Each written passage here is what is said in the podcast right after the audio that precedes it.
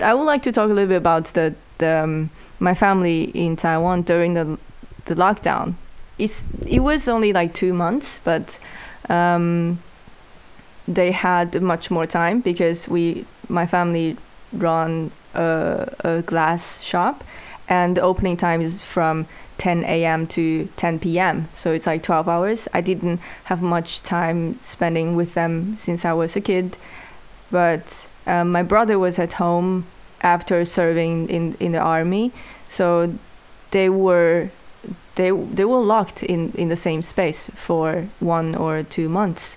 So they were like watching Netflix together, and they were playing Switch. They were playing ping pong on the the dining table, and for me to to see that, I was I envy them. I envy that time. Like they they could have more time together. Yeah, but Mhm. the situation for us, us is is very special because we don't we don't live with our family.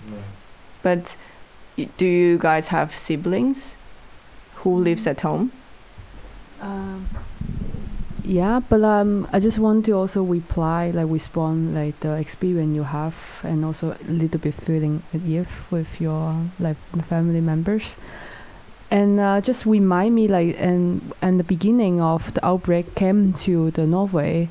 I remember so much is because um, when I was just walking in the street in Oslo, because I was having a yellow face. Actually, I receiving Mm, yeah. several times from the stranger look down at me or like trying to uh, running away from me. Yeah, or like keep distance. Yeah, and Yeah. that was really uh, make me feel kind of surprised. Like still we have this kind of like racism or like this kind of uh, situation happens, and then I think when the um, pandemic came a little bit for a while, and then now the people have like certain like common sense. What gonna happen? What are we going to do? Now we're going to wear the mask, because the people from Hong Kong we had the experience to suffering the um, the SARS in the 2003 True, Taiwan as so well. yeah, so we actually have like basically have a common sense what going to happen with the virus. That is what we're going to do. We're going to wear the mask. But when we arrived here, when when I just wear the mask in the tram, people just look so surprised at me, Yeah. and that's also something I feel kind of like surprised and impressed. Like we having a different level of understanding what what kind of situation we are facing now. Um, but the thing is, because I went back to Hong Kong on January this year for my graduation show for one and a half month. The thing is, when I just arrived to Hong Kong after finishing my quarantine, when I just arrived to the western area, people look down at me too because I came from other country Yeah, and they true. also really scared I bringing carrying some fibers with me. So this kind of like um, being a vulnerable or being like a person like um, stranger or like a person looks like very dangerous could be suddenly randomly uh, you you can begin that person.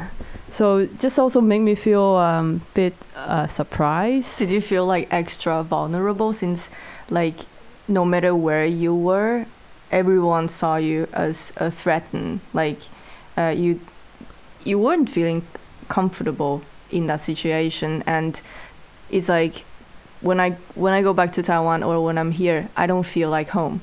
And when you were, you know, facing that extra, um, Layer. yeah, from the people. Mm, I don't really take it personally because this could happen for everyone, and it just kind of kind of nice in the in a good way. It's like this could be happen to everyone. It's actually like a collective trauma.